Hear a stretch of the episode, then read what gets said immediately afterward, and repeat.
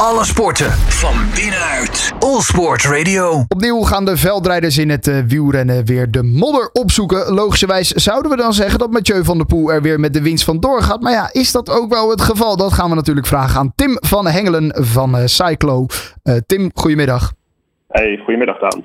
Ja, logischerwijs zouden we zeggen, Mathieu van der Poel gaat er in het uh, Nederlandse hoogrijden vandoor met die overwinning. Laten we eerst nog eventjes een klein beetje terugblikken op vorige week in Benidorm, want toen was dat niet het geval.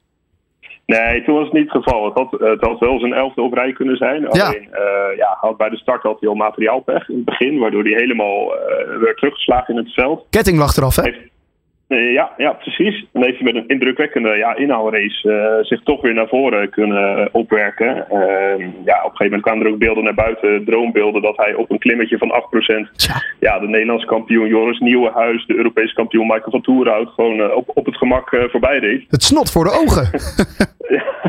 ja. En uiteindelijk, ja, alleen, alleen Wout van Aert die kon hem nog maar volgen. Ja, toen kwam alles weer bij elkaar en ineens was hij verdwenen uit beeld. Door een botsing met een paal bleek uiteindelijk. Ja. Waardoor, hij, waardoor hij uiteindelijk vijfde is geworden. Maar ja, zonder die pech, ja, dan was hij wel de, de grote favoriet geweest voor de overwinning, denk ik. Maar even die demarage, wat jij inderdaad zegt. Nou, een echte demarage was het natuurlijk niet, want hij reed niet weg bij de kop van het veld. Hij haalde wel iedereen, nou ja, met speelsgemak in. Zo leek het wel alsof de rest stil stond. Op een klimmetje ja. van 8%. Stond even op de pedalen en reed ze allemaal voorbij. Dat is ja, die beelden, dat spreekt toch boekdelen als je het hebt over een, een sporter in topvorm? Ja, het is kippenvel. Ik was een paar weken geleden was ik in Hulst en daar had uh, Tom Pitcock, die had ook in het begin van de wedstrijd had die, uh, pannen. Uh, die moest ook helemaal van achteraan weer beginnen. Nou ja, die, die zag je de achterblijvers voorbij rijden. Maar ja, dat, dat zijn achterblijvers zijn jongens die altijd achteraan rijden. Van der Poel die deed, ja, wat ik zeg, de Europese kampioen voorbij, de Nederlandse kampioen voorbij. Het was alsof ze stilstonden op dat klimmetje, hoe hij ze voorbij reed. Nou, dat ja. is indrukwekkend om te zien. Ja, ik, ik kan me die beelden in de Tour de France nog herinneren. Dat uh, Wout van Aert dat inderdaad deed uh, in die Jumbo-trui. Uh, reed hij natuurlijk ook nog een paar keer wat, wat klimmetjes op om, om, om zijn ploegmaten daar te helpen. Ja. Ik heb hem dat nog minder zien doen in de Wereldbeker dit seizoen. Hij won natuurlijk afgelopen week in Benidorm. Maar ja, ja. Uh, dat zeggen we zelf ook. Ja, Mathieu die had veel pech. Hij viel nog een keertje. Dat was zijn eigen stomme fout. Gaf hij toe, reed tegen een paal aan. Maar ja. toch, die klasse in de Wereldbeker hebben we van Van Aert nog minder kunnen zien. Nee, Van Aert had aan het begin van het seizoen ook wel verteld van, uh, ja, dat, dat, het veldrijden echt zeg maar, in dienst stond van zijn voorjaar. Waar, waar die ja, uh, vorig jaar, als we een jaar uh, even terugkijken naar vorig jaar, Jumbo die wilde heel graag een grote klassieker winnen. Ja, dat is niet gelukt. de overwinning ging of naar Van der Poel in uh, Milan Sanremo en Parijs-Roubaix. In de Ronde van Vlaanderen ging Pogacar met de overwinning aan de haal. Dus hij heeft echt alles op zijn voorjaar gezet. En ja, daardoor is hij waarschijnlijk we proberen zijn piek zeg maar, wat later te leggen dan nu al zeg maar, in, in het veldritseizoen. Hmm. Zouden bijna kunnen spreken van trainingsrondjes voor uh, Wout van Aert. Uh, ja, ja. nee. zo, zo, zou je het kunnen zeggen, ja. ja het is ja. neerbuigend om te zeggen, uh, zeker ook naar, uh, naar de andere renners die daar meedoen. Je noemt al een Pitcock inderdaad, ook een van de grotere renners natuurlijk in dit veld. Um, maar ja, Mathieu van der Poel, wat hij laat zien, het is, het is ongelooflijk. maar ja, geen elf op een rij dus. Hij zei al, de journalisten waren daar meer mee bezig dan Mathieu zelf. Toch? Wel jammer.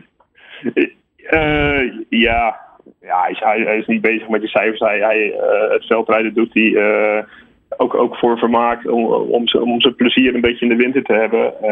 Um, kijk, voor, voor, hij, hij, heeft niks meer, hij, heeft, hij heeft niks meer te bewijzen, weet je. Als hij zegt van, joh, ik heb, dat, ik heb helemaal geen zin meer om in de modder te rijden in, het, uh, in, in, die winter. ik ga liever lekker in Spanje ga ik zitten. Er schijnt ook nog eens de zon dan heeft iedereen daar begrip voor, weet je. Maar toch keert hij iedere winter weer terug om zijn veldritjes te rijden en het publiek te vermaken. En ja, dat is waanzinnig. Uh, ja, waanzinnig.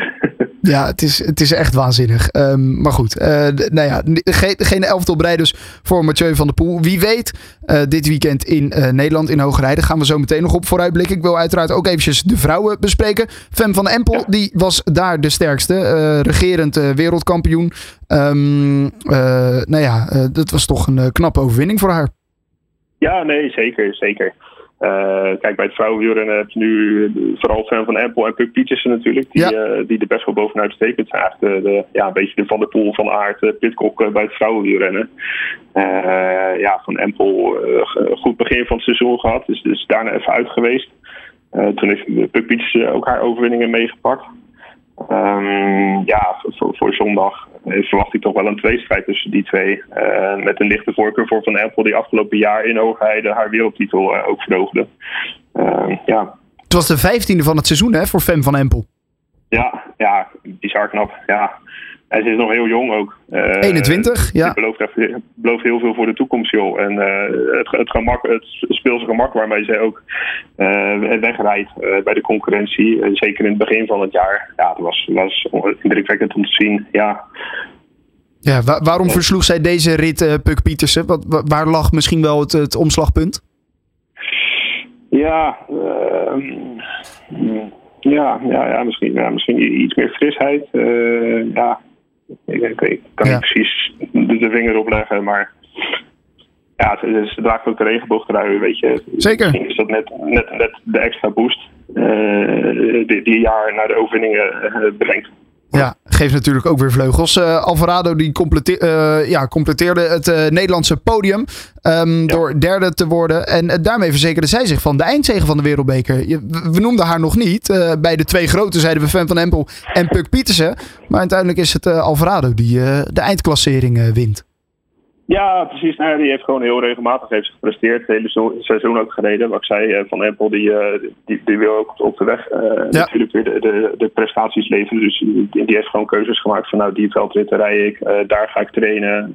Um, ja, Alvarado die heeft gewoon constant punten gepakt het hele seizoen door. Ja, en dat is dan de sleutel voor de, voor de wereldbekeroverwinning. Bij de mannen zie je dat ook. Dan zou je ook zeggen, hey, waarom wint Van de Poel niet die wereldbeker, weet je wel. Maar ja, die, die heeft ook gewoon bewust gekozen van, nou, na het rechtseizoen heb ik wat rust genomen. En daarna, daarna gewoon lekker pieken en het veld in. Uh, ja. ja, die zijn inderdaad later aangesloten, hè? Ja, ja. precies. Ja, uh, deze week, dit weekend, Hogere Heide. Ja, dat is toch wat anders. Uh, de Spaanse zon en uh, nou ja, daar een beetje stofhappen of modderhappen in het Nederlandse koude Hogere Heide. Ja, ja, nee, inderdaad. Hogere Heide, mooi parcours. Natuurlijk echt al jarenlang in de wereldbeker. Ook drie keer een wereldkampioenschap georganiseerd. Afgelopen jaar nog. Ja, mooi, mooi parcours. Altijd korte klimmetjes op de Brabantse bal. Um, ze hebben een hele lange trap. De Stairway to Heaven heet die ook wel. indrukwekkend gezicht. Ja, het is gewoon wat ik zeg, bochtig, korte klimmetjes. Het is, uh, het is best wel uitputtend door uh, lastig rondje. Ja, wat, wat is dan het, het verschil in zo'n uh, in zo'n rit? Moet je dat als, als renner ook anders aanvliegen? Want je hebt dus niet zo'n klim van 300 meter, 8%, waar je eventjes op de pedalen kan staan. Eventjes tussen aanhalingstekens en er zo drie kan inhalen. Dat heb je wat minder in nou ja, het bochtige en, en krappe hogerheden. Ja, nee, klopt. klopt. Uh, ja, is toch weer een andere aanpak. Uh, zoals je ook bij bijvoorbeeld een zandcross natuurlijk weer een andere aan, aanpak hebt. Uh, ja, het is hier gewoon, gewoon druk zetten. zorgen dat je de andere ja, aan de problemen brengt. Uiteindelijk een gaatje hebt en, en lekker doorrijden. ideaal voor Van der Poel, denk ik. Ja, wat is het verschil tussen modder en nou ja, een beetje zand? Um, ja, zand is meer uh, ja, echt, echt heel erg de balans zoeken. Modder, daar, daar kan je volgens mij nog wel aardig doorheen rijden. Um, ja, het is natuurlijk een. Uh, als ik zelf op een veldritfiets zou zitten, ja, denk ik dat ik op beide ondergronden binnen no time ondersteboven zou liggen. Maar ja, ja modder, modder is dan toch nog iets. Zand, zand is echt maar nog meer spe specialisme dan, dan modder, zeg maar. Ja. Oké. Okay. Oké, dus dit zou ietsjes toegankelijker moeten zijn, uh, de modderbaan. Ja. ja. Alles is natuurlijk wel in voorbereiding op die wedstrijd over twee weken, het wereldkampioenschap. Ja, precies. Ze noemen dit ook wel de generale repetitie voor het uh, wereldkampioenschap. Dat wordt uh, gehouden in Tabor in Tsjechië.